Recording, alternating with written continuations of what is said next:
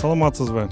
Эгерде сизде кандайдыр бир акыйкатсыздык адам бузулган учурлар мыйзамсыздык тууралуу сунуш пикирлериңиз болсо жөнөтүңүз азаттыктын whatsapp telegram номери нөл беш жүз элүү тогуз жүз сексен сегиз жети жүз элүү беш. Азаттыкка ысык облусуна караштуу тоң районунун тогуз булак айылынан айдай керимова пикирин калтырган. Ал көз азиздер жана дүлөйлөр коомунун тоң райондук уюмуна жетекчи тандоо мыйзамсыз жүргөнүн айтып уюмдун ишинде каражатка байланыштуу алешемдиктер да бар экенин белгилейт. Көз боюнча биринчи топтогу майып адаммын. Биздин коомдо үч жылда бир өзүбүздүн райондук деңгээлде отчеттук кайра шайлоо чогулушу болуп турат. Июнь айында болуп өттү эле. Чогулушка барганда биздин өзүбүздүн да ички мыйзамыбыз мыйзамыбыз бар да. Анан ошол мыйзамдарга э, каршы келе турган нерселерди мен буга чейин айтып жүргөм андан эч да майнап да чыккан жок. И кайра шайлоо учурунда дагы көптөгөн э, туура эмес нерселер болду. Мен ошого өтө капа болдум нааразы болдум. Мен муну жөн жөн ушутейинче калтырууга болбойт да. И жанагы айтып турган боюнча тиги жүз миң сом ал боюнча дагы унчукпай калышты а эмне үчүн унчукпайт эмне үчүн? Болуптур райондук ошондой болуп аткандан кийин областтык жетекчи чечиш керек болчу да. Биздин э, ошо коомдун мүчөлөрүнө келип айтыш керек болчу отчет бериш керек болчу. Мына ал жүз миң сомдун эсеби мындай экен деп айтышып отчет берген да жок биринчиден андан кийин ал кеткенден кийин кайра биздин өзүбүздүн коомдун мүчөлөрүн чогултуп туруп келгиле өзүбүзгө тиги райондук төрага шайлайлы деп деш керек болчу. Жок аны да чакырышкан жок өздөрүнчө эле бир бирөөнү шайлап алышыптыр. Анын шайланганын биз көргөн да жокпуз уккан да жокпуз. Анын чогулушунда э, жок дегенде айтылыш керек болчу да мына анын акчалары каяка кетип атат? Ал кишинин вообще өзүн да көргөн жокпуз. И могу былтыркы былтыр июнь айында болгон чогулушка ал киши да келген жок. Себеби ал киши келсе ал кишиге да бере турчу суроолор бар болчу да. Анан мындай өзүм билем деген болбойт го. Мүчөлөрдү чогултуп туруп анан келгиле шайлайлы ушундай убактылуу шайлап туралы болуп турсун деш керек болчу. Жок бул жерде такыр башкача иштер. Ушунун баарын айтсаң чындыкты айткан киши жалгыз киши жаман көрүнөт экен. Мен билдим ал жерде биздин коомдун мүчөлөрү мындай кайдыгер караган адамдар экен да а чындыкты бетке айтып угуп турсаң сезип турсаң ошону. Көзүбүз көрбөсө дагы мен көзүм көрбөсө дагы сезип турам да. Аты жөнүм керимова айдай асаналиевна ысык көл областы тоң району тогуз булак айылы биз көз азиздер жана дүлөйлөр коомунун тоң райондук уюмунун төрайымы бурулуш орзакуновага кайрылганыбызда уюмга жетекчи тандоо ачык жүргөнүн мурдагы төрагага байланыштуу жүз миң сом боюнча маселеге тиешеси жоктугун билдирди. Айдай айымдын айтып аткандары чындыкка жатпай калды. Киргизбей койгон эмес. Ал кезде э, айдай айым өзү деле отурган ошол жертечи отурду ал катышты.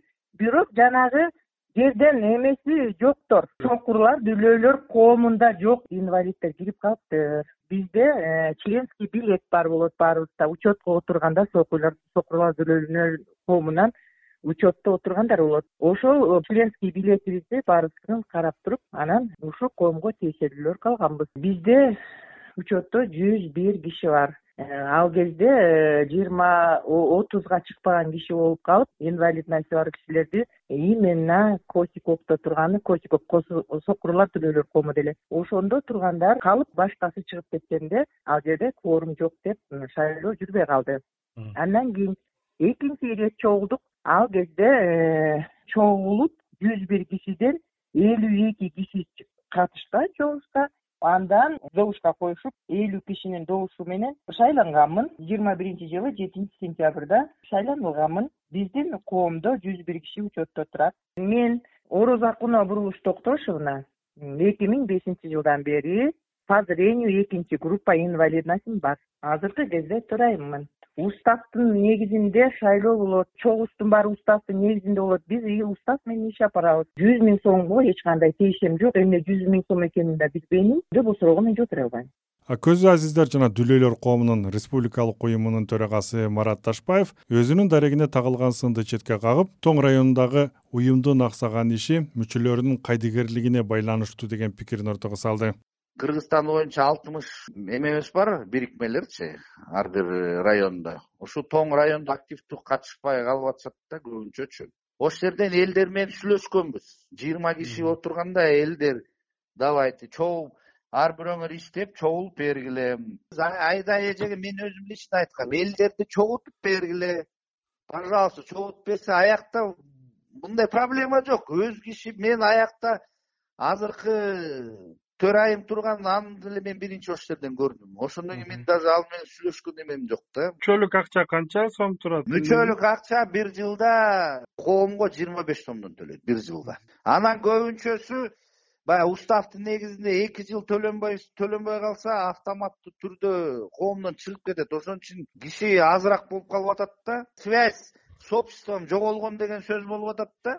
Анан жанакы экинчи маселе боюнча мурун бир байке төрага болуп иштеген. Шайлоо болгондо сооронбай жээнбеков кандидатурасын койгондо ошол жерден маселе көтөрүлүптүр ошол жака барып элдер менен жолугуп болгондо ошол төрага акча сураптыр да. Анан жүз миң сом берилиптир ал кишигечи. Э, ошо жүз миң сомду биз э, мындай после угуп калдык ошо жүз миң сом берилиптир деп. Анан фин полиция тияк бияктарга кайрылганда ошол күндө азыркы ошол кезде иштеген төрага ал айтып атат бул мага лично берген акча депчи. Мага лично берген мен өзүм колдоном анан тигиндей мындай деп. Ошо менен фин полицияга кайрылган ошондо төргөө ошол кезден дагы эле болуп аткан прокуратурага өткөн да. Жумуштан алдык ал киши ошондо эле иштебей калды анан кетти. Бүгүнкү күндө ошо жанакы каракол шаарында кагаз документтер бар. Тергөө болуп атат деген жооптор бар да сиз угуп жаткан азаттык радиосу эфирде эл үнү берүүсү микрофондо сабыр абдымомунов ысык көл облусунун каракол шаарынан альбина нарымбаева азаттыкка келген. Ал көзү өтүп кеткен атасынан калган жер мүлкүн өзүлөрүнө кайтарып ала албай жатышканын айтат. Альбина апасына тиешелүү кыймылсыз мүлк үлүшүн атасынын бир туугандары ээлеп алуу аракети жүрүп бул боюнча күч органдарга бийликке кайрылуулары жоопсуз калып жатканын билдирди данный момент мы не можем оформить свое наследство потому что мои два дяди это нарымбаев равшан и нарымбаев рахим забрали у нас нашу долю и не отдают ее нам. Мы обращались учурда биз өзүбүзгө тиешелүү мурастын бөлүгүн каттай албай жатабыз.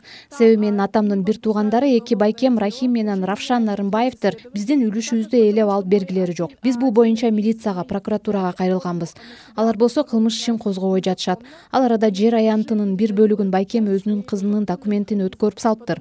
Мамлекеттик каттоо кызматына барсак бизге ар кандай маалымат берип жатышат. Менин оюмча кандайдыр бир коррупциялык механизм жүрүп жаткандай. Мындан улам биз президентке парламент депутаттарына акыйкат чыгат башкы прокуратурага кайрылганбыз. Эч кандай натыйжа болбой жатат. Нотариус менен мамлекеттик каттоо кызматынын тиешесин иликтөө боюнча арызыбыз такароосуз калып жатат. Прокуратура болсо арызды кайра эле райондук ички иштер башкармалыгына жолдоп жатат. Прокуратура города каракол передает дело в рувд. Я нарымбаева альбина из города каракол. Альбина нарымбаеванын кайрылуусу боюнча анын атасынын бир тууганы рахман нарымбаевдин пикирин сурадык. Ал жер там короосу менен атасынан мураска калганын учурда бир короодо эки үй бүлө жашап жатканын билдирди. Ал эми көзү өтүп кеткен бир тууганын жесирине ушундай талаш жаралбасын деп алдын ала каракол шаарынан кашка суу кичи районунан үч бөлмөлүү батир алып беришкенин билдирди. Рахман нарымбаев ушул талаштын айынан үй толук каттоого алынбай жатканын кошумчалады это родительский дом. Мы там двое с братишкой живем он на одной половине я на другой да старого типа дома. А им мы купили трехкомнатную квартиру отдельно когда родители умерли. А они теперь претендуют на третий. Мы же возле базара живем ионая мать говорит вот они сейчас дорогие дома выдавать за сто бул ата энебиздин үйү бул үйдө мен иним менен турам. Ал жарымында мен жарымында. а маркум инимдин жесирине балдары менен көчөдө калбасын деп үч бөлмөлүү үй алып бергенбиз. Эми болсо анын балдары бул турак жайдын үчтөн бир бөлүгүн алабыз деп жатышат. Келинибиз айтып жатат. Силер эски үйдү жүз миңге саткыла да мага отуз миңин бергиле дейт. Мен бул жерде төрөлсөм ушул жерде каарып өлөм деп отурам. Сотко бергиле дедим. Шаардык соттон утулуп калышты. Эртең облустук сотто каралат экен. Ошол келинибиз деген адам балдарын бизден таптакыр алыс кылып салды. Маркум инимдин баласы менин алдыма келип жүрчү эми аны да жоготпой койду. Жакын болгондо ал деле иним эле үйлөп жайлайт болчумун. Убагында эки миң бешинчи жылы күйөөсүнүн көзү өткөндө менин инимдин көзү өткөндө. Алар бишкекте жашачу келбей коюшкан эле. Ушул үйгө келбей коюшкан эле. Эми мен алтымыш экиге чыксам башка үйүм жок болсо кайда чыкмак элем? А там же мне адвокатам платить надо. Я пенсию даже не получаю я только вот немножко хозяйство есть у меня дома. Чуть чуть барашки все мне фактически содержит дочь одна вот с зятем. Все и все и там двухкомнатная времянка где я живу. Все а в огород у меня дочки просто поставили контейнера магазин сделали. Ошон үчүн возле базара мы живем видите ошону менен эл үнү уктуруусун жыйынтыктайын. Бизге тема сунуштап пикир калтырыңыз. Байланыш үчүн телефон номерибиз нөл үч жүз он эки жыйырма бир токсон төрт жыйырма үч. Whatsapp телеграмдагы номер нөл беш жүз элүү тогуз сексен сегиз жети жүз элүү беш. Элдин пикирин топтогон сабыр абдымомунов эсен туруңуз